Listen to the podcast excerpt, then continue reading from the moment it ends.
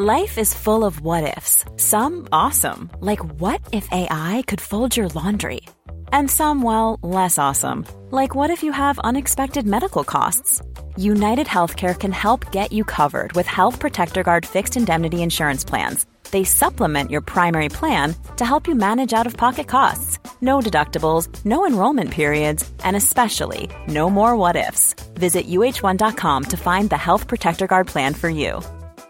Quality sleep is essential. That's why the Sleep Number Smart Bed is designed for your ever evolving sleep needs. Need a bed that's firmer or softer on either side? Helps you sleep at a comfortable temperature? Sleep Number Smart Beds let you individualize your comfort so you sleep better together. JD Power ranks Sleep Number number 1 in customer satisfaction with mattresses purchased in-store. And now, save 50% on the Sleep Number limited edition Smart Bed for a limited time. For JD Power 2023 award information, visit jdpower.com/awards. Only at a Sleep Number store or sleepnumber.com. Hallå! Simon Gärdenfors heter jag och snart börjar min podcast Arkivsamtal som klipps av min redaktör Marcus Blomgren. Mycket nöje!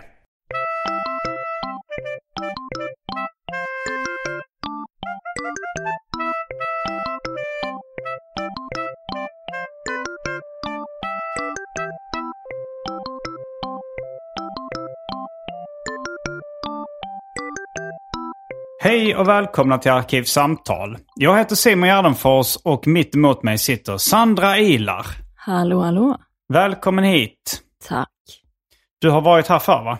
Ja, Mm. innan du for iväg. Innan jag åkte till USA. Ja, Mm. exakt. För jag, kollade, jag bläddrade upp i vår chatt, för jag skulle hitta portkoden hit, Mm, mm. som verkade vara en gammal portkod. Men ändå. Och då var det senast vi spelade in att det var över länk. Så det var medan du var utomlands då. Ah, ja, ja. Yes. Mm. Och ehm, hur är läget? Det är bra. Har blöta knän.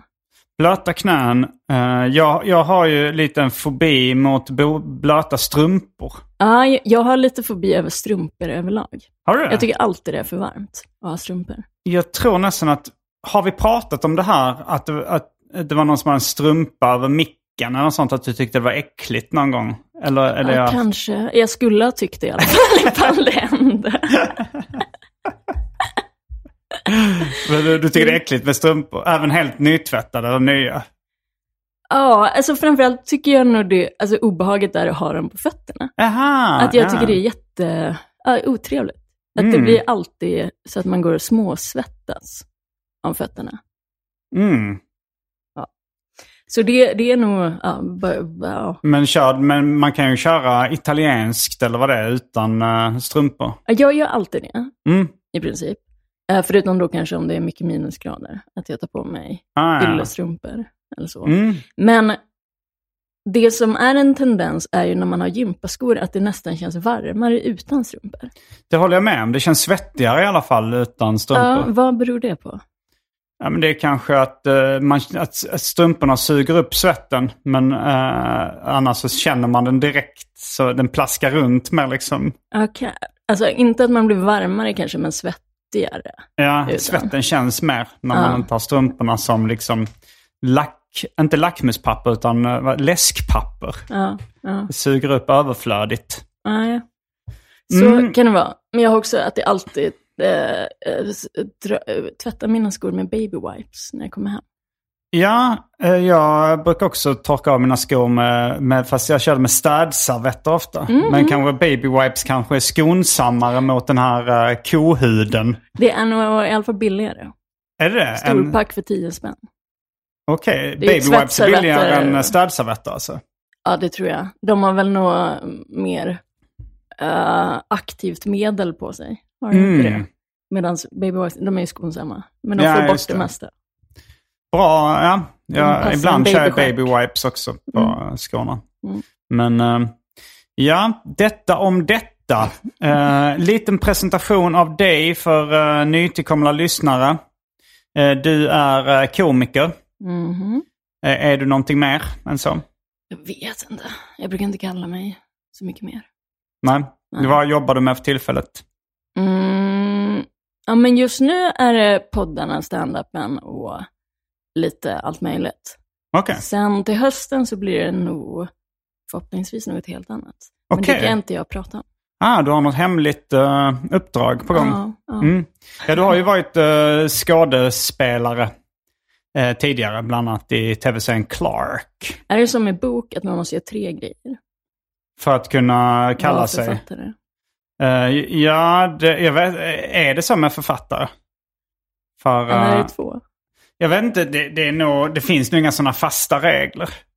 Alltså så här, vad, man, vad man får kalla sig. Ah, okej. Jag tänker så här, J.D. Salinger, han kallar sig författare även om han typ bara släppte, jag vet inte, han kanske släppte fler böcker än Neddar, Räddaren i nöden. Men Ja, och det är väl också med komiker att Mm. de flesta börjar ju kalla sig komiker när man har kört en gång. Det är ingen Ja. skyddad titel. så det, Ja. Men får man vara med i Författarförbundet? det, det är, Är det något, kanske något deras sånt definition? De har någon, Ja. sån, eh, de har någon sån gräns.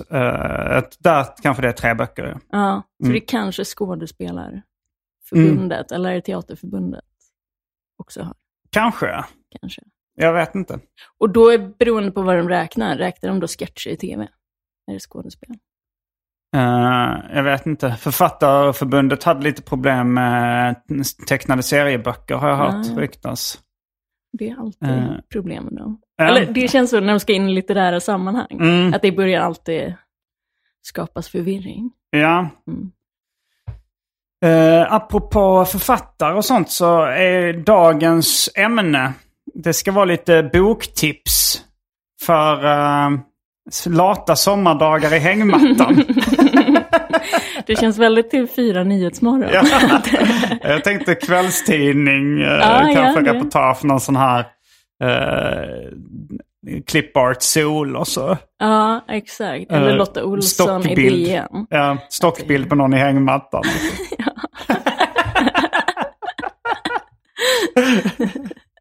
ja, det, nu arkivsamtal, man börjar komma upp i åren. Man börjar ha sådana här. Det börjar med, Ja. ja. Mysigt. ja, jo, det låter mysigt faktiskt. Ja. Läser du mer på sommaren? Eh, lite mer. Mm. Eh, det är också för att man kan, det är ofta man kanske bara sitter i en solstol eller... nå- nu, nu, har jag, nu har jag mest läst på tåg Mm. den här sommaren. Jag har inte haft så, jag har inte haft så lata dagar. Nej. Nej.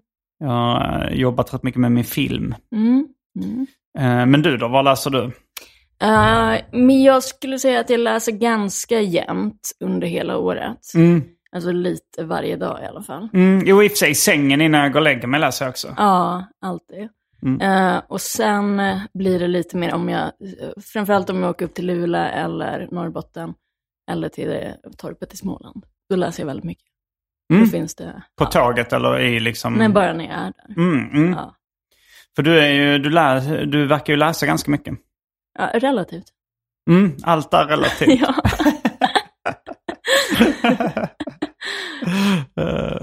Eh, men i relation till genomsnittet av uh, människor i Sverige så läser du mycket.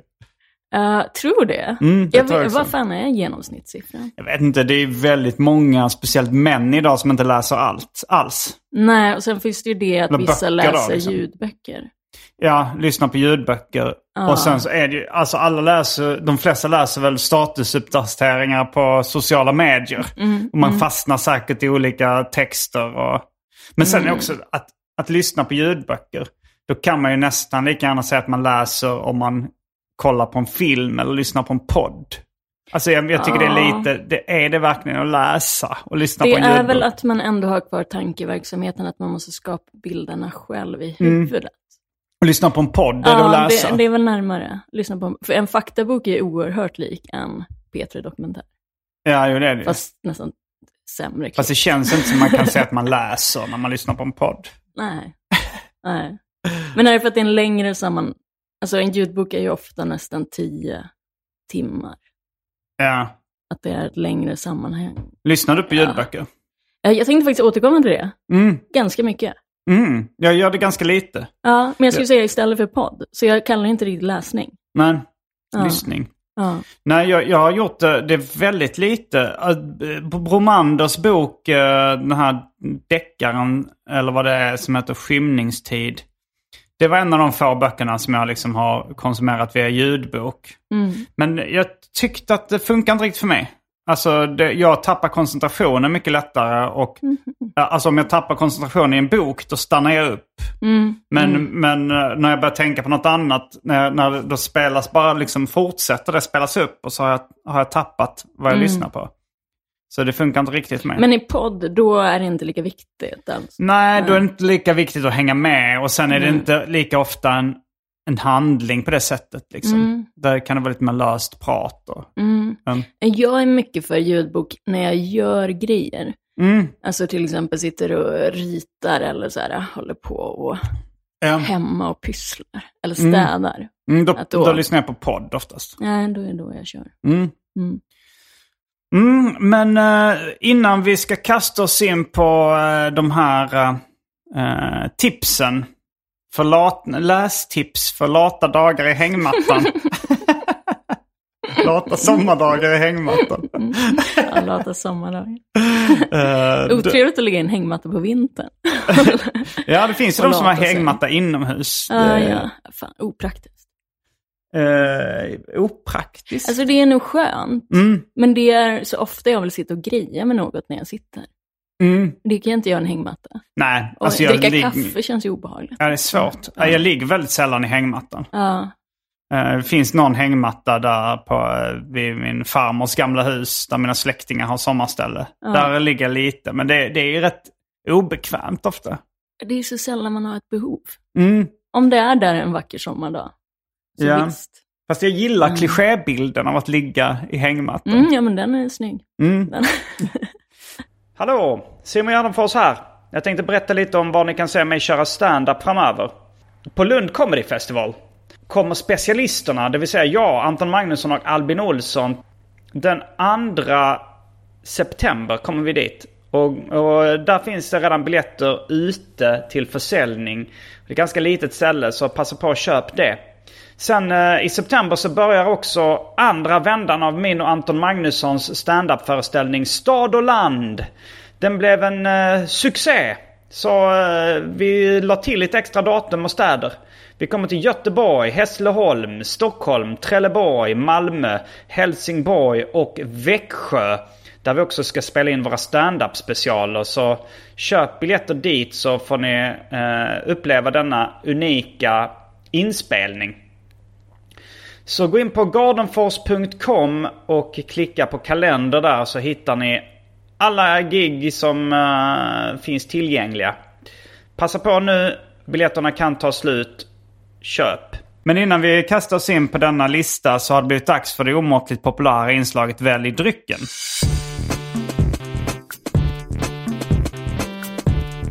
Jag tror vi börjar med det fasta inslaget Välj drycken.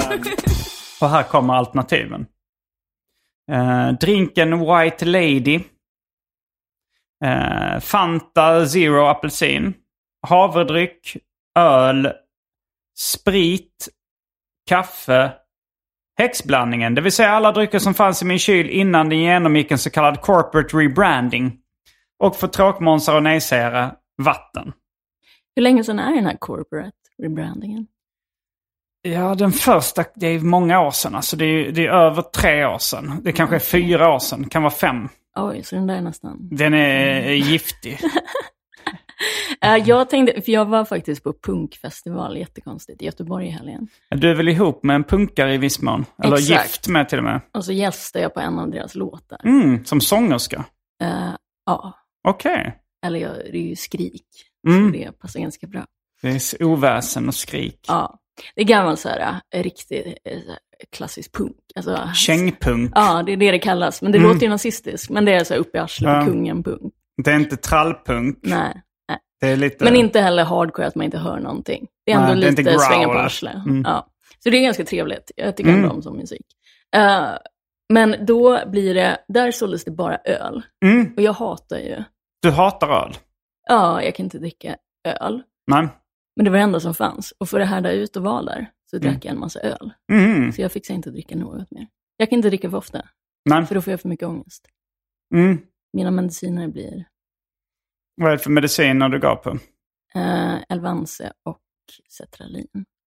Det är en ADHD-medicin den ena. Ja, Och den andra är SSRI eller? ja. Okej. Och det är som, eh, det fuckas ur. Mm, Så nu kan mm. jag inte dricka på jättelänge. Nej. Så, eh, Så vi kör kaffe, ja. vill jag komma fram till. Och eh, som i ett kockprogram, apropå TV4-referensen, så har du redan förberett Ja, ja. med kaffe. ja proffsigt. Eh, men du ska få en mugg. Ja. Jag tror kanske jag är lite ölasugen. Mhm. Eh, om du inte tycker det är så äckligt att du inte vill se öl. Nej, alltså det är bara att det känns som att man har bröd i magen. mm, Man har druckit mycket öl. Det har väl vissa beröringspunkter med bröd. Ja, det har ju det. Och där fanns det bara sådana fyr, alltså mellanöl. Mm. Så det var många sådana. Du drack många fyra och 4,2. Ja. Mm. Ja, eh, men Men då... godare än cider som var alternativet. Aha, du tycker det är godare än cider? Ja, mycket godare. Okej. Men då är det för att cider är pissäckligt. Du har väldigt specifik smak. Det är mycket jag inte gillar. Mm. Eh, vad, eh, det är en rätt intressant grej. Vad är de, de grejerna som folk gillar i allmänhet men som du inte gillar? Tacos. Tacos, okej. Jag nästan kräks. Men det gjorde jag när jag var liten. Du kräktes av tacos? Ja, men allting sånt. Mm. Finns det någonting som du men vad gillar? gillar alla? Det är... Eh, Jag ja, gillar inte sour cream and onion chips. Sour cream and onion, ja, det är också Ja. originellt. Det är också sånt Jag som vill alla bara gillar. ha lättsaltat. Det ska inte vara Vad något extremt. vill bara Det ska bara vara lättsaltat. Ja, det ska inte ja. vara sådär extremt att det är något hittepå. Du, du gillar inte stark mat och så? Nej, nej. Inte indiskt Nej, och thai? och- lättsaltat är den bästa kryddan. På Ja. allt.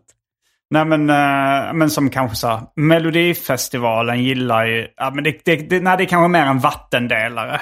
Ja, det skulle jag ändå säga. Men, Mm. men Sour Cream and Onion är en bra, det känns som så här, det gillar väl alla. Ja, men det är mångas favorit Ja. ändå. Och Mm. eh, jag skulle säga kanske här, tacos också en sån grej som de flesta gillar. Ja. Jag skulle säga allt som är lite kryddat eller lite surt. är väldigt Mm. för. Jag skulle nog säga det de flesta gillar som inte jag gillar är distade elgitarrer. Ja, ja, ja, punk. Mm, punk är eh, svår, svårlyssnat för mig. Ja, men det är inte lika många solon. Nej. Mm. Ja, men det, det är en sån grej som... Och sen, ja men eh, vissa band så liksom med Kent till exempel känns som de flesta, ja det kan också något av en vattendelare. Ja, jag tror det. Uh, Ja, tråkigt. mm, men du tar kaffe, jag tar öl. Mm. Uh, då är vi strax tillbaks med dryckerna kända från det omåttligt populära inslaget Välj drycken. Häng med!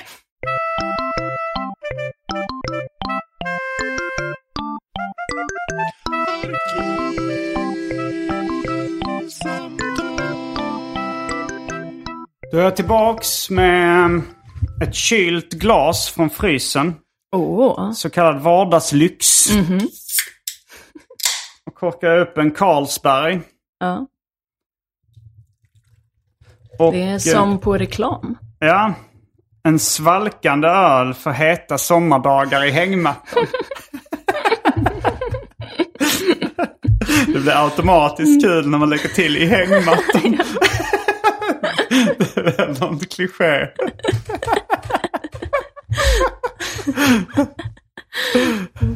ja, eh, då har det blivit dags. eh, eh, Du, du verkar ha med en liten lista. Ja, ja, för jag tänkte, för vi har ju pratat om böcker tidigare. Mm. Vilka som är ens favoriter och det. Mm, du är en av mina bokläsande vänner. Mm. Så Jag därför så tänkte jag att jag inte ska upprepa mig för mycket så. Så jag gick bara på det jag har läst det senaste året. Okej. Och gjorde en lista och valde ut lite. Så Mm. det är inte, alltså många bra, men det Ja. är väl inte mina all time någonsin, men det duger för hängmatten. så alltså många bra ändå, Ja. men det är ju inte, ja. Men du läser ju snabbt eftersom det senaste... Jag ser, ögnar din lista nu, eller bara ser den och ser att den är ganska lång. Och det är bara det senaste året och det är ett selektivt urval från det senaste året. Ja, Alltså jag läser, dels läser jag långsamt, dels läser jag ganska sällan. Eh, så att jag tänkte liksom, jag fick eh, en tjock bok i julklapp då, en Michel Houellebecq-bok. Ja, ja. Den Förinta, den senaste. Ja. Och eh, det var julklapp, den har jag hundra sidor kvar av. Ja, men det är ändå, alltså jag kan också ha sådana. Mm. För ibland så börjar jag läsa flera samtidigt. Och Mm. jag skulle inte säga att jag läser, alltså jag är ganska bra, och det är nog från när man pluggar och så, att hoppa över sånt som inte jag behöver. Alltså Mm. ofta när det är mycket miljöbeskrivningar så, så hoppar jag ganska mycket. Jaha, du skummar liksom. Ja, för jag tycker det är pisstråkigt. Mm, ja, men det är inte jag. Jag, jag är mer anal på det sättet. Men jag... många så läser jag ingående, men sen Ja. så kan jag hoppa då stora, Mm. ifall jag bara inte tycker... men sen slänger Som jag så in... äldre böcker var ju väldigt att man skulle sätta miljön hela tiden. Ja. Jo, det, det var ju till och med, ja, men det var, men min morfar brevs, beskrev liksom någon bok han läste. Så det är väl sådana, miljöbeskrivningarna är så fantastiska. att de gick igång på det liksom. Ja, och det är ju bra att få en hum av det och så, men ibland Mm. kan de bli så jäkla tradiga. Ja, Eh, så det, jag kan absolut förstå det. Att Mm. vissa tar ju längre att ta sig igenom. För det är ju sällan idag som man hittar en sån sidvändare. Som man inte kan sluta. ja det, det, om det är ett så specialintresse man har så, så kan det, alltså jag Mm. läste Henrik Bromander släppte en sån här bok eh, eh, som heter En mulen söndag. Mm. Eh, som då, eh, textdelen den handlar om fanzinvärlden på 90-talet. Ja, som jag var en del av. Mm. Då kunde jag ju inte slita mig. Liksom. Nej, då är det ju då är det så extremt intresserad. Ja. Men, eh, men sen är det också som eh, den här Houellebecq-boken. Jag har läst Annat emellan. Ja. Eh, min ex-flickvän Maria Grude Moel Hayek släppte en bok nyligen som jag var på releasefesten och då fick den boken gräddfil. Liksom. Då tänkte jag om jag ska läsa den då så kan jag bjuda in henne som kan gästa podden Mm. och prata om den. Så då fick den liksom försprång. Så nu är jag tillbaka. Så jag läste ut den och sen är jag nu tillbaka på Houellebecq-boken. Mm. Men eh, min mer, eh, ännu mer autistiskt lagde kompis som kallas Thomas Tysk. Eftersom han kommer från Tyskland. Ja, ja. Han- Tydligt. Ja. det, var, det var en diskussion då med David Liljemark, serietecknaren. Och, och David eh, eh, berättade då om, eh, han sa ju så här, ja man har ju sin läshög liksom. Så läser man den ordningen liksom. Men sen vissa böcker får ju en gräddfil som får gl- glida före i kön liksom. Men då sa Thomas Tysk, jag har ingen gräddfil! Han läste dem i den ordningen som de skulle läsas. Det känns väldigt tyskt också. att- Ja, mycket. Ordning. Att det ska vara, Ja. ska läsa ut. det är en väldigt kul sak att skrika. Ja. Jag har ingen grädd. för det är ändå så här, för vissa, för jag gav mig en gång på att läsa Dantes Den gudomliga komedin. Mm. Den är skriven på, det heter Teresina eller Tresina, alltså trestegsvers. Mm. Och handlar ju om så här, äh, skärselden och alla. Och det är mycket så här gamla gudar man har inte koll på. Det är jättemycket referenser. Så den är ju pisstråkig. Mm. Men då tog jag jättemånga pauser. Att jag Mm. kanske läste den under två år. Okej. Den är ju väldigt, väldigt tjock också. Mm. Och då bröt emellan. Och när jag kände jag Du har en gräddfil. Ja, ja. Mm. så jag har absolut gräddfil. Ja. Också så här, jag kan tycka det är mysigt att variera med så här. Till exempel så äh, läst, jag gillar prinsessan Diana väldigt mycket. Mm. Eh, det är någonting att hon är så fin. Det är många som tycker. Hon är Men död. hon känns så snäll. Hon var ja, fin. Ja, hon var fin. Hon var fin. Ja. Men det är någonting tryggt med henne tycker jag. Hennes musik kommer leva för alltid. Ja. Eh, och då beställde jag en så bok med foton av henne. Mm, Så var det små mm. texter. Och det är jätteenkelt att läsa. Ja, ja. Men då kan jag tycka om att ta upp den lite så här tidigt på kvällen kanske. Mm, eller bläddra mm. och läsa lite. Och sen gå in på en bok och sen växla lite. Mm. För om jag läser ut den direkt så tar den ju slut för fort. Ja, Att ja, jag bara ska kolla på alla bilder på en kväll. Alltså vulgärt. Ja. Ja, ja, men då går det för snabbt. Mm. Så då är det mysigt att växla lite kanske olika typer av format och böcker. Mm. Men nu är vi bra sugna på din eh, lista. Men Ol- Olbeck, Ja? eh, rekommenderar du den? Eh, Michel Houellebecq. Ja, men jag, jag gillar... eh, jag har läst nästan allt han har skrivit. Mm. Så jag tycker han är jättebra. Jag, jag, om, just för dig och kanske andra ska jag kanske rekommendera boken Refug. Mm. Som handlar om en ståuppkomiker. Det är ju Mm. rätt roligt. Mm. Ja, men spännande. Jag har aldrig varit på honom. Men jag vet att Aron Mm, det, ja, Aron Flam var faktiskt gäst i uh, Michel Houellebecq-avsnittet uh, jag spelade in. Tillsammans med Jenny, Högström var också gäst. Uh, Hon är också Michel Houellebecq-fan. Vi gjorde det live i Göteborg inför en pjäs av Houellebecq. Jaha, spännande. Mm. Eh, jag vet inte fan vad jag ska börja med. Men uh, gav mig in på Birgitta Stenberg tidigare. Just det. Är det, alltså, är det hon eh, som reser runt i Europa och är sexig? Eh, Eller eh, upplever sexuella upp- ja, men det är mycket sex och Är det hon som gjorde knark. Jag minns, hur, jag minns alla mina älskare och hur, och hur de tog på mig? Nej, Det är inte hon? nej, Nej. det tror jag inte. Nej. Då Det- blandade det ihop henne med ja. någon annan. Jag är inte hundra hundra, men hon är Men- Kärlek i Europa. Mm. Eh, Birgitta. Ja, Um, Apelsinmannen och Rapport. mm. Det kan vara det där, men jag har för mig det är en annan. Ja, det är det nog. Det är Mm. nog. Ja, Kan det vara Kerstin Thorvall? det kan det vara. Mm. Eh, men hon är lite lik Birgitta Stenberg. Eh, utseendet. ja, lite. Pojkflicka. Men eh, hon, hon levde ju, alltså sista åren med en kvinna, de levde väldigt så här, sexuellt öppet. Men också Mm. var, alltså hennes böcker är ju, dels är de väldigt samtida, alltså 50-60-talet är det, Mm. många av dem.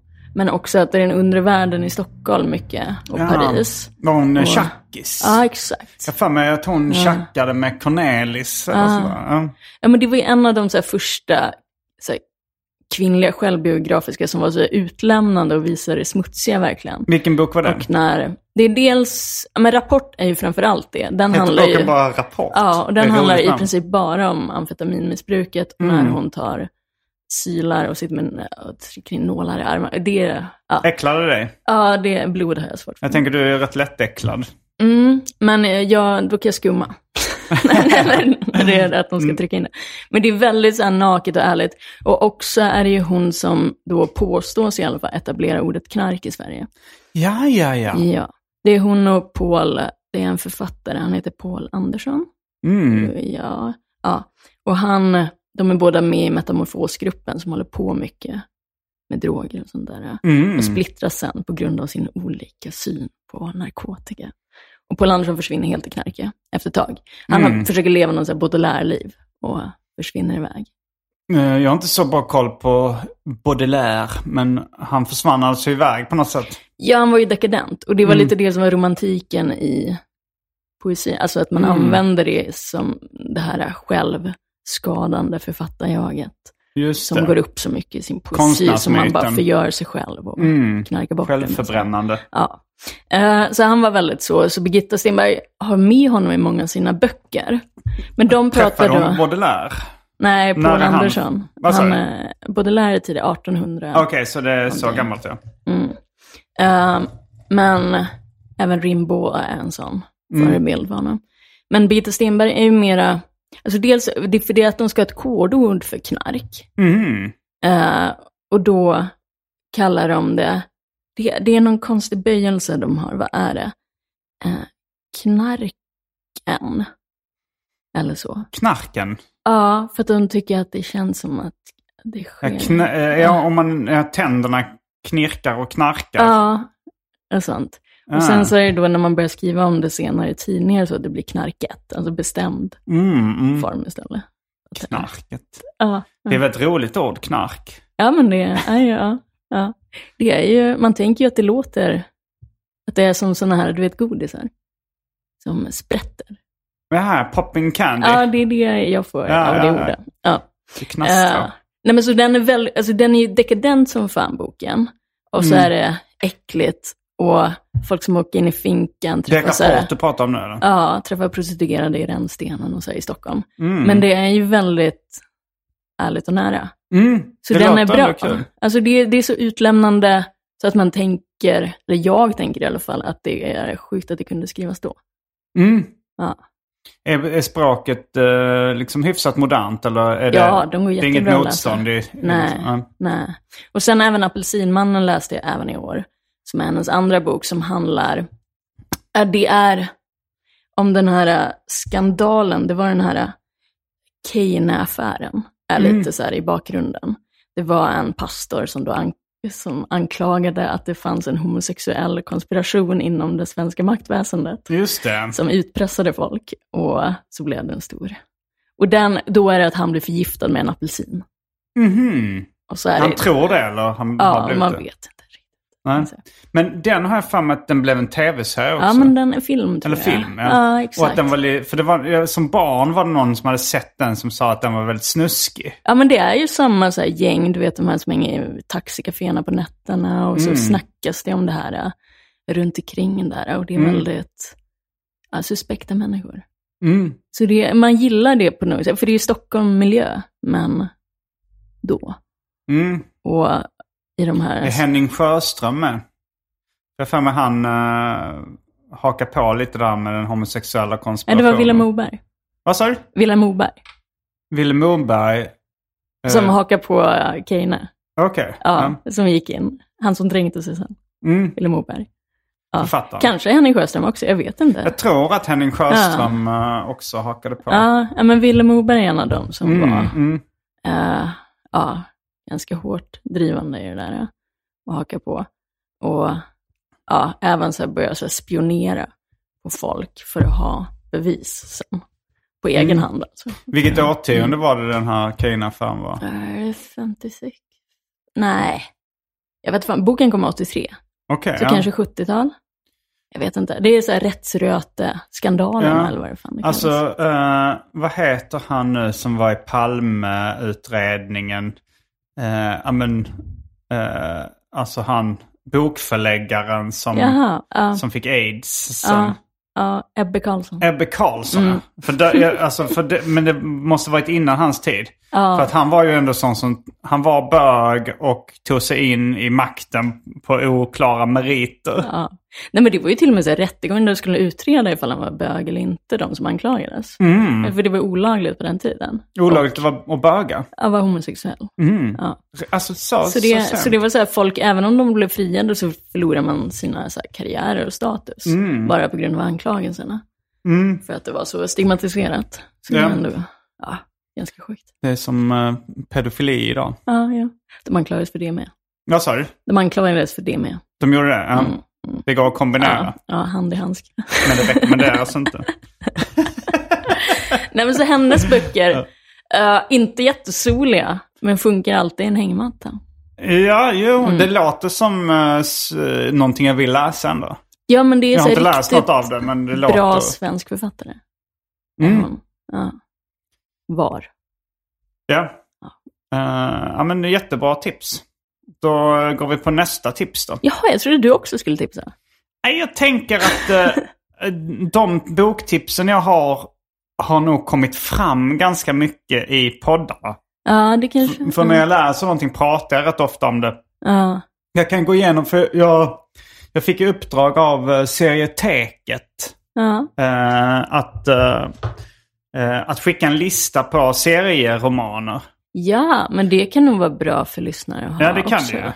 Eh, jag vet inte om de har lagt ut den ännu, liksom, men de, de skulle nog göra liksom en hylla eh, på serieteket under någon period. Där var så här, eh, det har de gjort med lite olika serieprofiler. Då, liksom. Så har de, så har de bad, så han bad mig skicka, skicka en lista på serieromaner. Mm. Ola Hellsten då på serieteket. Så jag skickade en lång, lång lista. Men, eh, men grejen är att de flesta av de här böckerna kommer ju folk känna igen. Men eh, If you thought the only way to get a more defined jawline with natural looking results was through surgery, think again. Juvederm Volux XC is a non surgical injectable gel filler that improves moderate to severe loss of jawline definition and can help you achieve natural looking results with little downtime. Even better, this improved definition lasts up to one year with optimal treatment. No maintenance required. Improve jawline definition for a smooth, sculpted look with Juvederm Volux XC. For important safety information, and to find a licensed specialist, visit juvederm.com. That's J U V E D E R M.com. Not for people with severe allergic reactions, allergies to lidocaine, or the proteins used in Juvederm. Common side effects include injection site redness, swelling, pain, tenderness, firmness, lumps, bumps, bruising, discoloration, or itching. There's a risk of unintentional injection into a blood vessel, which can cause vision abnormalities, blindness, stroke, temporary scabs, or scarring. Talk to a licensed specialist to find out if it's right for you. Quality sleep is essential. That's why the Sleep Number Smart Bed is designed for your ever evolving sleep needs. Need a bed that's firmer or softer on either side? Helps you sleep at a comfortable temperature? Sleep Number Smart Beds let you individualize your comfort so you sleep better together. JD Power ranks Sleep Number number 1 in customer satisfaction with mattresses purchased in-store. And now, save 50% on the Sleep Number limited edition Smart Bed for a limited time. For JD Power 2023 award information, visit jdpower.com/awards. Only at a Sleep Number store or sleepnumber.com. I'm Sandra, and I'm just the professional your small business was looking for. But you didn't hire me because you didn't use LinkedIn jobs. LinkedIn has professionals you can't find anywhere else, including those who aren't actively looking for a new job but might be open to the perfect role, like me. In a given month, over 70% of LinkedIn users don't visit other leading job sites. So if you're not looking on LinkedIn, you'll miss out on great candidates like Sandra. Start hiring professionals like a professional. Post your free job on linkedin.com/people slash people today. För det, det är ju sådana jag tjatar ut. Liksom, så. Joe Matts bok The Poor Bastard. Det kanske är liksom min favoritserieroman genom tiderna. Ja. Eh, och, eh, och så, så den är ju högst upp på listan. Mm. Och sen Robert Crumbs My, Trouble with Wim- My Troubles with Women. Den, eh, det var det, är den titeln som lite inspireras till Mina Problem. Ja, ja. ja. du bara tog bort med kvinnor. Ja, jag, Jag det, inte de det, är inte, det är inte det enda jag har problem Det är det minsta. det är mitt, jag, jag har 99 problem. Men Ja, men det kvinnor är ju två. Eh, väldigt bra tips. Jag tänkte bara dra, jag skrev upp en som var ett antitips. Mm. Det var att man absolut En inte varning. behöver läsa August Strindbergs En tjänstekvinnans son, för den var jättetråkig. Ja, har du läst mycket Strindberg i dina dagar? Ja, och jag gillar mycket. Mm, vad är din favorit? Mm, mm, mm. Alltså det är brevväxlingen med Harriet Bosse. Mm, Alltså när de skriver till varandra fram och tillbaka. Okej. Det, alltså när han är så här privat, arg, ledsen, glad och så här älskar Mm. och sen ska bli arg och så blir han så... Ah, han har Finns så det mycket samlat känslor i en bok, Ja, liksom? det finns det. Mm. Det är väldigt underhållande. Det låter intressant. Ja. Eh, jättebra. Och det är ju så här, det är ju väldigt personligt och öppet. Mm. Och Tjänstekvinnans son är ju också en form av självbiografi, även om man har ett, eh, ett alter ego som heter Johan. Johan. Ja, Mm. exakt. Han heter det i mellannamn tror jag. Ja, ja. Eh, men det är så him... Eller det...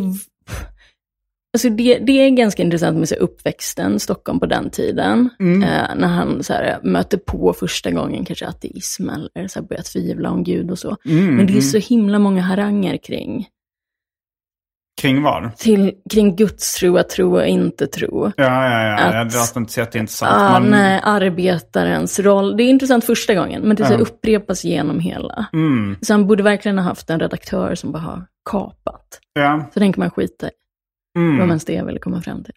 Jag gillar den uh, Olof Lagerkrans bok om Ja. Strindberg. Den är jättebra. Ja, men det skulle jag säga är mycket bättre att läsa Ja. än att läsa. Jätte, jätteintressant. Det, den är ju asbra. Men sen Mm. har jag ju liksom i skolan tvingats läsa lite Strindberg. Då läste jag kanske Giftas 1, eventuellt även Giftas 2. Mm. Tyckte det var he- helt okej. Mm. Men Ja. Inferno är ju spännande när han är rädd för el. Vilken då? Inferno. Inferno? Han är Ja, rädd det är för inte el. riktigt min grej. Ja, han har elfobi. Han har Han elproblem. hör att det rör sig i väggarna. Han är det måste sitta någon elektriker där, någon ingenjör och vevar på någonting. Och han har ju sina Mm. galna perioder. Jag kan rekommendera Henrik Bromanders bok eh, om eh, en elallergiker som heter Högspänning. En Jättebra bok. Är den spännande? Det är ganska spännande. Mm. han, det, han lever sig in i en, en kvinna som då är elallergikers liv. Mm. Eh, sen så brukar jag, jag brukar inte alltid läsa Nobelpristagarna, men jag läser Men. väldigt många Annie, Mm. Annie Ernaux-böcker. Och de är superbra. Men det är lite besläktat, om man tar då litterärt, språkligt, ännu ännu bättre, alltså mer poetiskt fast ändå sakligt än Birgitta Stenberg, men också väldigt självbiografiskt. Vem sa du nu? Jag missade Annie. Ernaux. Jag har extremt dålig koll. Jag, jag fattar inte eh, ord, siff, äh, det, bokstavskombinationen. Ta det långsamt. Annie Ernaux, alltså det är Mm. frans. Hon Okej, vann och när Nobelpriset. fick hon eh, Nobelpriset? Nu senast. Det hon är den senaste? Okej, jag har Ja. missat det helt. Ja, ja. Men det är Annie Ernaux. kvinnor. Nej, men de är väldigt bra. Som hon är som en... Alltså varje bok leker med minnet på något sätt. Att minnas tillbaka hur det är. Mm. Och de är ändå väldigt uppdelade med så tydlig. En handlar om som om hennes pappa. Mm. Från hans början till där han föddes och så fram till henne idag. När hon ändå fick utbilda sig och bli lärare. Och, sen så. och en mamman och hennes demens, hur hon försvinner bort. Mm. Eh, en om en så förhållande hon hade med en gift man. Mm. Eh, det är en som heter Åren som väl är den kändaste, men den tyckte jag var svårast. Så varje, det är inte massa mer, eller liksom hon fokuserar på en. Ja, och att det nästan alltid är jag-perspektiv, hur hon se, såg och upplevde allting Mm, mm. då. Eh, och minnet är ju förrädiskt kan det vara, men det Mm. är alltså minnesbilderna från ja, tiderna bakåt. Mm. Eh, och så åren är den populäraste, men den tyckte jag var svårast, för då är det som, det är ett långt skede av hennes liv, som Mm. då sker parallellt med allting som händer i Frankrike under tiden som vevs in. Och det blev så himla mycket referenser hela tiden Mm. i den. Den är nog jättehäftig om man kommer från Frankrike och kan alla. Men för mig blir det så mycket som bara åker över huvudet och som jag ska ta in samtidigt som Mm. hon skildrar sin ungdom. Men de andra är skitbra. Framförallt den om morsan. Vad heter den? Eh, den heter Moden, tror jag. Eller heter den Kvinnan? Kanske. Le Femme heter den. Mm. Ja, nog på franska. Jag tänkte på apropå eh, liksom den, eh, böcker om minnen. Har du läst eh, Jag minns av Georges Perec?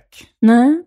Eh, den tyckte jag var väldigt bra. Mhm. Eh, det, där är det bara så här, det är en ganska experimentell roman. Eh, där han bara liksom radar upp korta minnen. Okej. Alltså det är kanske fyra, fem rader. Ja, eller ja. ibland är det liksom en rad. Mm, där, eh, men det, det kan vara så här bara så här. Jag minns att det fanns en ost som hette Lavache Seriös. eh, som då var... eh, och Lavache Curie, den skrattande kon.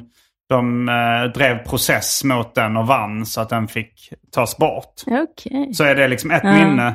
Men inleds de alltid med jag minns? Vad sa du? Inleds de då alltid med jag minns? Jag tror inte det. Jag Mm. kommer inte ihåg om det var eh, om, om det gjorde det. Men, men, eh, men det, var, det var ändå liksom Mm. sådana korta minnen. Och så Ja. kollade jag upp det. Ja men det, det stämmer. Det, så kan man hitta en bild på Lavache Seriös. Att den Ja. fanns. att den fanns. Hur Men- ser det ut på boksidorna då? Är de som små diktstycken? Ja, nästan, liksom. Ja. Eh, men, eh, men jag för mig det fanns en, en amerikansk författare som var före honom med det formatet. För jag trodde att han var, eh, var först. Den här är från 1978. Mm. Den finns på svenska också då. Den är väl... den heter Je me souviens på, eh, på originalspråket. Men eh, ja, jag kommer inte ihåg vad, vad liksom den amerikanska... Jag borde kanske läsa hans bok också. Men, eh, men det är en... eh, en jag, jag gillar den. Och jag Ja, läste en men det- serieroman som heter Mini Sulk av Jeffrey Brown. Mhm. Som är lite liknande. Alltså, Mm. Men det är barndomsminnen som bara är så här ensidor. Ofta kan man bara sex rutor så är det något sånt liksom kort minne. Mm. Jag var rätt inspirerad av båda de böckerna när jag, skrev, när jag gjorde delar av min bok Död kompis. Ja. Att man bara så här listar korta minnen som liksom inte... Mm. Ja, de hänger ihop på något sätt eftersom det är liksom Mm. skärvor av ett liv. Om man nu vill vara pretentiös. Mm. men, eh, det är men det är rätt intressant. Bara, eh, som- Vad sa du? Att det är bakåtblickande nedslag. Mm, man bara liksom. minns småsaker. Ja. Så Ja, kan det, det vara blanda personliga hennes. grejer och opersonliga grejer. Ja. Ja, men det är mycket henne, som att man befinner sig i hennes minne Mm. för ett tag. Ja. Och inte att det leder direkt Nej. någonstans eller riktning mål. Utan det är... Så de är verkligen skitbra. Mm. Uh, sen tänkte jag också, men jag skrev också upp Tove Janssons Lyssnerskan, för den är jättebra. Det är en novellsamling för äldre, Mm. alltså inte för barn. Lyssnerskan. Ja, speciellt en kärlekshistoria som finns där kan jag rekommendera. Mm. Finns också som ljudbok om man vill lyssna på den. Mm. Du är Där rätt hon- stor Tove Jansson-fan va? Ja, men jag hade aldrig läst dem. Nej. Och det är också ett tips, jag brukar köpa ganska mycket på Bokbörsen. Mm. Har du varit in på? Ja, jag har Ja. köpt lite där. Ja. Eh, och där... eh, Det är en hemsida. Ja, exakt. där är både antikvariat och privatpersoner kan lägga ut. Och där är det ju svinbra att hitta sånt som inte längre finns i utgåva eller ja, bara kan vara svårt att hitta. För det Mm. finns ändå ganska mycket. Och om man beställer från samma antikvariat kan man beställa skitmycket för samma fraktpris. Mm. Ja, Mm, men det för det ökas inte.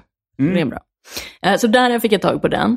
Eh, Och ja, En kärlekshistoria den rekommenderas varmt för hängmattan. För den Mm. är väldigt rolig. Är det den bästa Tove Jansson? För du är kanske är mer Mu- Mumin-fan då, så här, men, eller vilken, vilken skulle du säga är den bästa Tove Jansson-boken? Men jag skulle säga att alltså det här är också samma bra i och med att hon som målar upp scenarier så att det blir underfundigt, lite som Mumin också. Att de sätts i olika situationer där de konfronteras kanske med sin rädsla eller stolthet eller Mm. vad det nu kan vara. Så blir det ganska kul eller konstigt. Mm. Och det här är också så. Eh, det, det är som en kärlekshistoria jag kan ta. Inledningen är som att det är en man som är på ett museum och så ser han en skulptur som han blir så himla förälskad i. Han känner Mm. att han måste köpa den här. Eh, och de är i Italien och bor där eh, för tillfället. Men om han skulle köpa den så skulle han, de behöva åka hem och så, men han blir så himla... Och den här eh, där föreställer då, eller eh, den föreställer då en stjärt. Mm. Och så ska han sen gå fram, hem till sin fru och försöka förklara det här. alltså då, ja, så det är som, ja, det är fina berättelser som Mm. man blir lite glad av. Den har ingenting med filmen av Roy Andersson att göra. Nej, nej, Vad tyckte du förresten om uh, Tove Jansson-filmen, biopicen? jag har inte sett den. Aha. Nej. Av någon anledning? Nej, bara inte kommit för. Okej, jag tänkte eftersom du är ett Tove Jansson-fan så borde det vara... Men Ja. Du, du kanske läser mer än kollar på film? Ja, jag skulle säga det. Mm. Inte jätteintresserad av att se om personer bakom alltid. Nej? Ja, Okej. ja.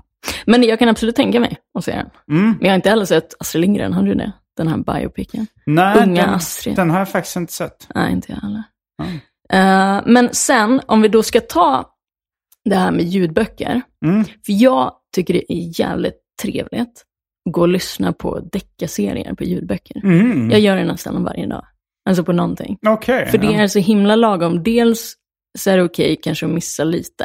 Mm. Så. Eh, det krävs inte superfokus som en roman, att man ska följa med på varenda ord. Det beror på vad det är för sorts pusseldeckare. Ja, det är det väl. Det är bra att hänga med hyfsat i alla fall. Men det är jävligt mysigt att vara inne i en deckarserie en lång tid. Det, eh, en serie böcker då liksom? Ja, Mm. så jag har nog plöjt nästan alla deckarserier. Du har plöjt historia. alla svenska deckarserier? Ja, nästan. Alltså jag, Jävlar, då måste det ju finnas otroligt många. ja, men jag, har, alltså, jag började med att läsa deckare för att min farsa gjorde det när jag var liten. Så Okej. tog jag över alla hans Mm. här GV-böcker och allt sånt där. Mm. Så- Leif Persson. Ja, exakt. Hans böcker. Uh, Leif Gustav Persson. Ja, William Gustav. Ja, något Gustav sånt. William. Mm. Eh, och då uh, började jag med det. Men sen har inte jag läst deckare på, väldigt länge. Sen för något år sedan då när jag började och skulle höra ljudböcker Mm. så snöade jag in på att just lyssna på dem. Mm. För det är mysigt. Vilka, har du några favoriter? Ja, jag gillar, favorites? alltså den nya, han är född typ 86, 87. Mm. Pascal Engman heter han. Just det. Ja, Mm. de är faktiskt skitbra. Mm. Alltså dels jättebra Vanessa Falk som är eh, den man följer i den serien. Den kvinnliga polisen. Vanessa Falk. Mm. Det låter som, eh, är inte det en sångerska som är dotter till Christian Falk? Jaha, eller Johan Falk. Eh, Det var en annan. Men jag tänkte producenten Christian Falk, jag för mig han har en dotter som är musiker som heter Vanessa Falk. Men Aha. hon heter kanske något annat. Jag vet inte. Kanske. Man kan heta samma. Mm. Men då, eh, de är jättebra. Men också dels för att de känns ganska aktuella. Att det handlar om så här, någon är så här incels, Mm. någon är så här matchfixning, vet, så här, spelberoende och Ja, så, som ja, ligger ja. bakom. Någon är den här gängkriminaliteten i förorten. Och det. Snart kommer en AI. Ja, kanske. Mm. Ja. Men de är verkligen skitbra. Alltså Okej, bra jävla deckare. Ja, men det låter ju intressant. Ja, och sen, jag gillar Lars Kepler också. Alltså, Det är en pseudonym. Ja. Mm. Eh, men det är så jävla mycket knulla i det. Alltså man märker att de typ är swingers. Okej, ja. Alltså det går väl rykten om det. Men det är Mm. så jävla mycket gök. Och du gillar det? Nej. Alltså okej, jag är lite, men det känns så jävla omotiverad ofta. Ja. Men storyna är bra, får jag väl säga. Det känns Men- lite så här 80-tal, eller jag vet inte vilket årtionde där det, liksom, där det, där det liksom nästan var så här, de skulle ha lite sexscener. Ungefär som en actionfilm ska ha lite eh, slagsmål. Ja, lite så. Vi ska ha lite sex här också, Ja, så det- blir det så här, uh, nu ska Det ska vara lite sexigt också. Ja, men också att det alltid ska vara så avancerat. Så Det är inte så här riktigt trovärdigt. Och så är det så mycket när man lyssnar på ljudböcker. Mm. Då är det att man kanske är ute och tar en promenad och så här, och ska man gå och lyssna på så här, bara, så här, att det känns så här, bara, så här, bara, ja, det är inte Mm. motiverat riktigt. Men, Men de är ofta spännande. mm, mm. Och det är, Jonna Linna är en väldigt bra karaktär som man följer. Mm. Ändå. För många av de äldre kan jag tycka är slätstrukna. Att det är som karikatyrer man följer.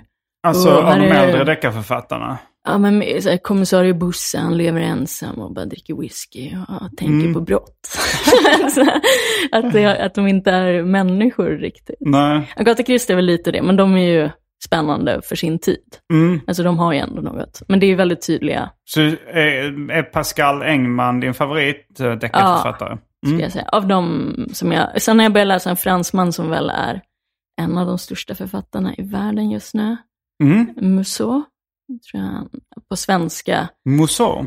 Ja, men man säger Guillaume, Guillaume, Guillaume. Guillaume, Musso.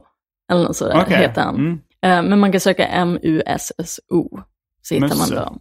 Och hans då utspelar sig i Frankrike, eh, mycket New York också, för att han har bott där. Så det är spännande miljöer. Mm. Och så, ja, bra, bra, bra fall. Ja, intressant. Nu kommer vi verkligen in på äh, äh, lös, läsning för lata dagar Ja, men de hängmattan. är- För deckare är ju Ja, verkligen en fan. sån... Men de har ju någonting. Eller jag vet jag ja, tycker ju alltså om... jag gillar ju lite deckarserier, alltså tv-serier med deckartema. Ja, och det är ju alltså, samma grej fast i bokform. Ja, det är det ju. Alltså man kan ju kalla The Wire i, i, i viss mån en deckare. Mm. Mm. Eh, eller deckarserie. Även om den är lite mer pretentiös kanske. eller det, den, den känns inte som det, att de hade kanske blivit förolämpade om man kallar det för en deckarserie. Ja, ja, Eh, ja, kanske. Men, eh, Mm. nej, men sen The Shield uh, gillade jag också att kolla Jag tror på. det Detective är ju verkligen. Ja, True Detective är också. Ja. Den heter till och med. Ja, ja. Och vi har även, så här, jag och Nico kollar skitmycket brittiska gamla, sådana här, du vet, Vera och Morse, kommissarie Morse, som är i Oxford och håller på. Mm, Och det är ju mm, något väldigt mysigt i att få, alltså det är väldigt bra sommar-tv skulle jag säga. Mm. Och att man i varje avsnitt får ju ett fall. Det löses ju inom ett avsnitt. Ja. Så det är trevligt. Och de är ofta 1.30 ungefär. Ja, det låter som... eh, Det, fan, det, finns, det finns så mycket konsumtion där ute som jag inte riktigt har tid med. Men, Ja, men vi är lite så att vi inte ser, vi är ganska dåliga på att se nytt. ja. Men då har man kommissarie Morse som är nio säsonger och så kan man slå på det när man Mm. är pisstrött och hemma. Och inte behöver tänka så mycket, vad ska vi se ikväll? Har du kollat utan- på Homicide, Uppdrag mord? Nej, det har jag inte. Jag, jag började kolla på det, men det är då liksom skap... Innan The Wire så var det eh, eh, skaparen då, David Simon. Han gjorde en, en tv-serie som var... Där var det samma upplägg då, att ett, ett avsnitt är ett fall. Mm, Och det blir upplöst i slutet. Mm. Men eh, jag, har inte, jag har inte sett det ännu, men Ja. det kanske man ska kolla på någon gång. Ja, men det är bra format. Eller det är skönt att inte känna att man måste slutföra hela serien. Mm, Alltså, för att annars så glömmer man bort typ. Eller det. så. Utan där finns det. mm.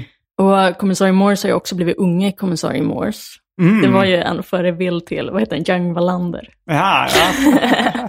Men supermycket gånger bättre. Har du Och- läst Wallander? Nej, jo, det har jag. Men länge sedan. Du sa att du hade nästan plöjt alla deckarserier. Ja, men jag minns ju dem inte jättemycket. Det är väl det Nej. med deckare att man... Har du läst Lisa Marklund? Ja, det har jag. Vilka finns det med? Henning Mankell har jag läst. Mm. Uh, Läckberg Mm. har jag läst. Uh, Viveka Sten. Mm. Ja, jättemånga. Är, ja, går på löpande band. Mm. Eh, men är ofta, alltså det finns Skummar du dem också liksom? alltså kanske om jag inte tycker de är så jättebra. Ja. Men det bygger mycket på karaktärerna, att man ska gilla Mm. dem. Sen gillar jag också att man kan följa dem lite privat genom böckerna. Att man får Mm. följa någon form av utveckling i privatlivet Mm. också. Parallellt med, alltså kanske att de träffar någon eller får barn och så är det Mm. mm. ja. Nej, ja, men jag, jag, jag förstår fascinationen. Fast jag gillar, eller jag har hittills mest, äh, eller följt tv-serier liksom så här. Mhm, Bron och sånt där. Ja, men jag vet, ja, Bron är ju väldigt... Ja. Mm. Men jag vet inte ifall jag skulle köpa hem pocketböcker idag, som min pappa gör, och ligga och läsa på kvällen. För då vill jag ha något annat. Utan det är Mm. verkligen så ljudbok jag kör. Mm, istället för Deckare. podd. Ja, Jo, det, det är ju, många lyssnar på true crime. ja, det, Du gör då fake Ja. crime, Ja. och lyssnar på istället. Ja. Eh, och sen hade jag också tips. eh, eh, ja, men det var de två. Mm. Och sen bara så här, det har inte med litteratur att göra egentligen. Men perfekt för hängmattan. Och det är att köpa de där jävla korsordstidningarna vid kassorna. För det är så Mhm. jävla trevligt. Okej. Att sitta och läsa korsord. Det kanske det är. Ja, jag kan absolut tänka mig att man kommer in i det. Ja, men det handlar om ord och om man gillar ord och text och så, så är det ju som små pussel man sitter och läser. Ja. Sen har man ofta facit längst bak, så Mm. man kan alltid kolla medan man är kvar i hängmattan. Man behöver ingen telefon Men, för att kolla upp svaren eller så. Så det är ganska skönt. mm, Och att jag gör det i princip varje morgon, Okej. sitter med korsord. Och de där tidningarna, så för 20 spänn får man ett gäng korsord, kanske Mm. något sudoku. Löser du sudoku också? Jag tycker inte det är lika kul som korsord. Men, Eh, men eh, det, eh, det kan gå. Eh, ibland finns det ord, sudoku, mm. också. Man ska para in orden rätt och inte ha för många av en bokstav någonstans. Mm. Så. Jag tänker det är någonting för min, eh, när jag blir pensionär. Men man tänker ju att det är för äldre. Ja. Men jag vill säga att det är svintrevligt. Jo, jag kommer ihåg, jag läste serien Rocky av Martin Kellerman.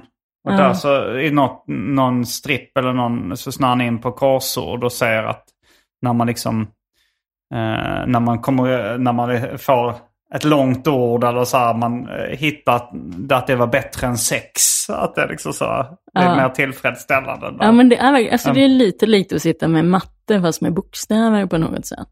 Så det är ju Mm. kul att klura ut. Det, Just det. det är jobbigt när man inte kommer på det. Men då kan man alltid fuska och kolla där bak. Aha, ja. Och så kommer man vidare. mm. Vissa är ju, det ska man ge vissa så här korsordskapare, alltså de använder ju ord ibland som inte används överhuvudtaget. Har du något exempel? Eh, nej men jag kommer inte ihåg dem, för Nej. att jag har då kollat och så har jag bara skrivit upp dem. För att inte, Mm. men eh, ja. Ja, men det är ett bra tips. Ehm, har du mer grejer på din lista? Eller ska jag ta något från min uh, Tar du en? te- tecknade serielista? För jag känner också att jag har så många seriösa. Ja, eh, Alltså att det kanske är lite för tungt för hängmattan ibland. jag vet inte riktigt om allting är... eh, behöver vara så... Alltså, mycket av mitt är också eh, ganska seriösa. Jo, exakt. Men, men det blir ju också lite mer spännande med bilder till. Mm, jag gillar det. Men om vi ska ta något som är ganska mycket rent trams så ska jag säga Ivan Brunetti. Ha!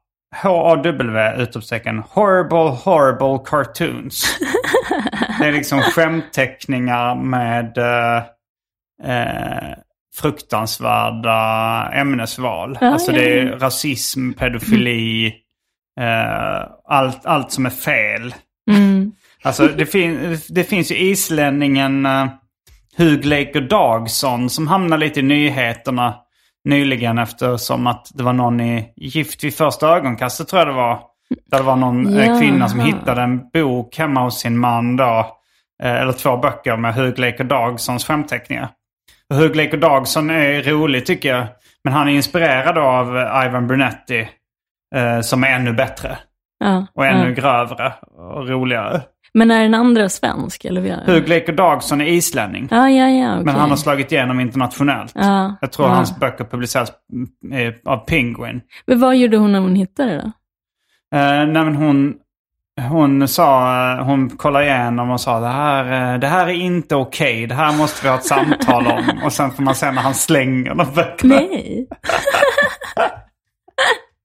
Det kändes som det här, för mig hade den relationen inte funkat. Nej, nej verkligen. Det, Ja. det är lite, ja men att man ska, att man ska uppskatta grov humor är en, ganska mycket ett krav för Ja, ja. om man ska vara kompis eller partner med mig. Mm, men en uh, serieroman som jag inte vet om jag tipsat om så mycket men som är en favorit också är It's a good life if you don't weaken av serieskaparen Seth. Mhm. Det, den är vä- väldigt så här... eh, Vad betyder titeln? It's a good life. vad sa du? It's a good life if you don't... Weaken? Om du inte väknar. Jaha, jag tyckte först du sa alltså, eh, helg. Vad sa? Jag trodde... Först att du sa helg. Alltså med det, weekend. Jaha, if you don't weaken. det är ett roligt verb. Att, Ja, om du inte att du tar inte tar helg. Eh,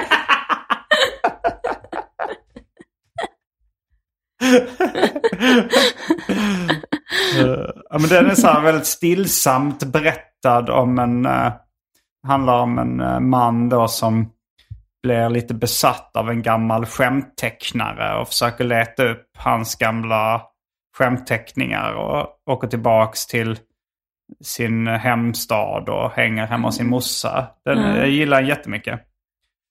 Och även, eh, jag har även på listan eh, Mats Jonssons böcker. Jag tror mina favoriter är Hey Princess och hans första Unga norrlänningar. Mm. Som tycker jag är en av de roligaste.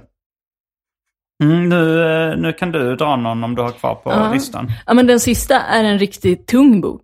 En tung bok. Ja, det handlar om Ystad Metall. Ystad Metall. Mm. Alltså Det är eh, ett- staden Ystad, eller Ja. orten Ystad. De hade då ett metallföretag som gjorde då, ja men dels gjorde man väl pryttlar och sånt där och kakelugnar och alltså sådana här där man bränner det.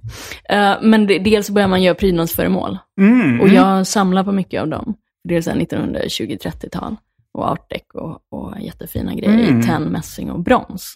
Okej. Mm. Och Ystad Metall var väldigt framgångsrikt. De var med på så här utställningsmässorna runt om i världen och det. Och fick ett stort genomslag, hade stora så här, formgivare kopplade till sig.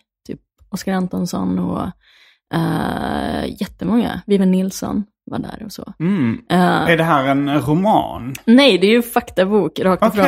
Det Ja, är är intressant. Ystad Metall 1919 till 1969 skrivet av Jonas Barros Eriksson. Och det Mm. följer verkligen så här uppgång och fall. Och verkligen så går igenom tillverkningsmetoder och allting. Mycket gamla foton från verkstäderna där i så gamla, ja, men Ystadkärnan. De gamla husen. Mm. Men det är mest på. Ja, det är de som lever kvar. Det var de som tillverkade de här liljanljusstakarna först. Vet du, de som är som mässing oftast. De finns i brons också. Och så, och så går de så. Ja, ja, jo, lilja. just det. Ja, Men Ja. sådana tror jag nästan vi hade hemma. Ja, eh, mitt skulpturerna familjehem. gör de numera. Mm. De är också med i ett avsnitt av Mad Men. Kommer jag ihåg från Om vad? Mad Men, den serien. Jaha. Alltså de ljusstakarna är med i Mad Men? Eh, Ja, i ett Okej. avsnitt. Och det måste vara för att då hade det varit utställning ganska nära inpå, där de ställdes ut. Mhm. För de har ju väldigt bra rekvisita där i den serien. Ja, det är då är det väldigt, jag borde har- nästan se om den serien bara på grund av inredningen. Ja, den För är väldigt... när jag såg den första gången så var jag inte så intresserad av inredning.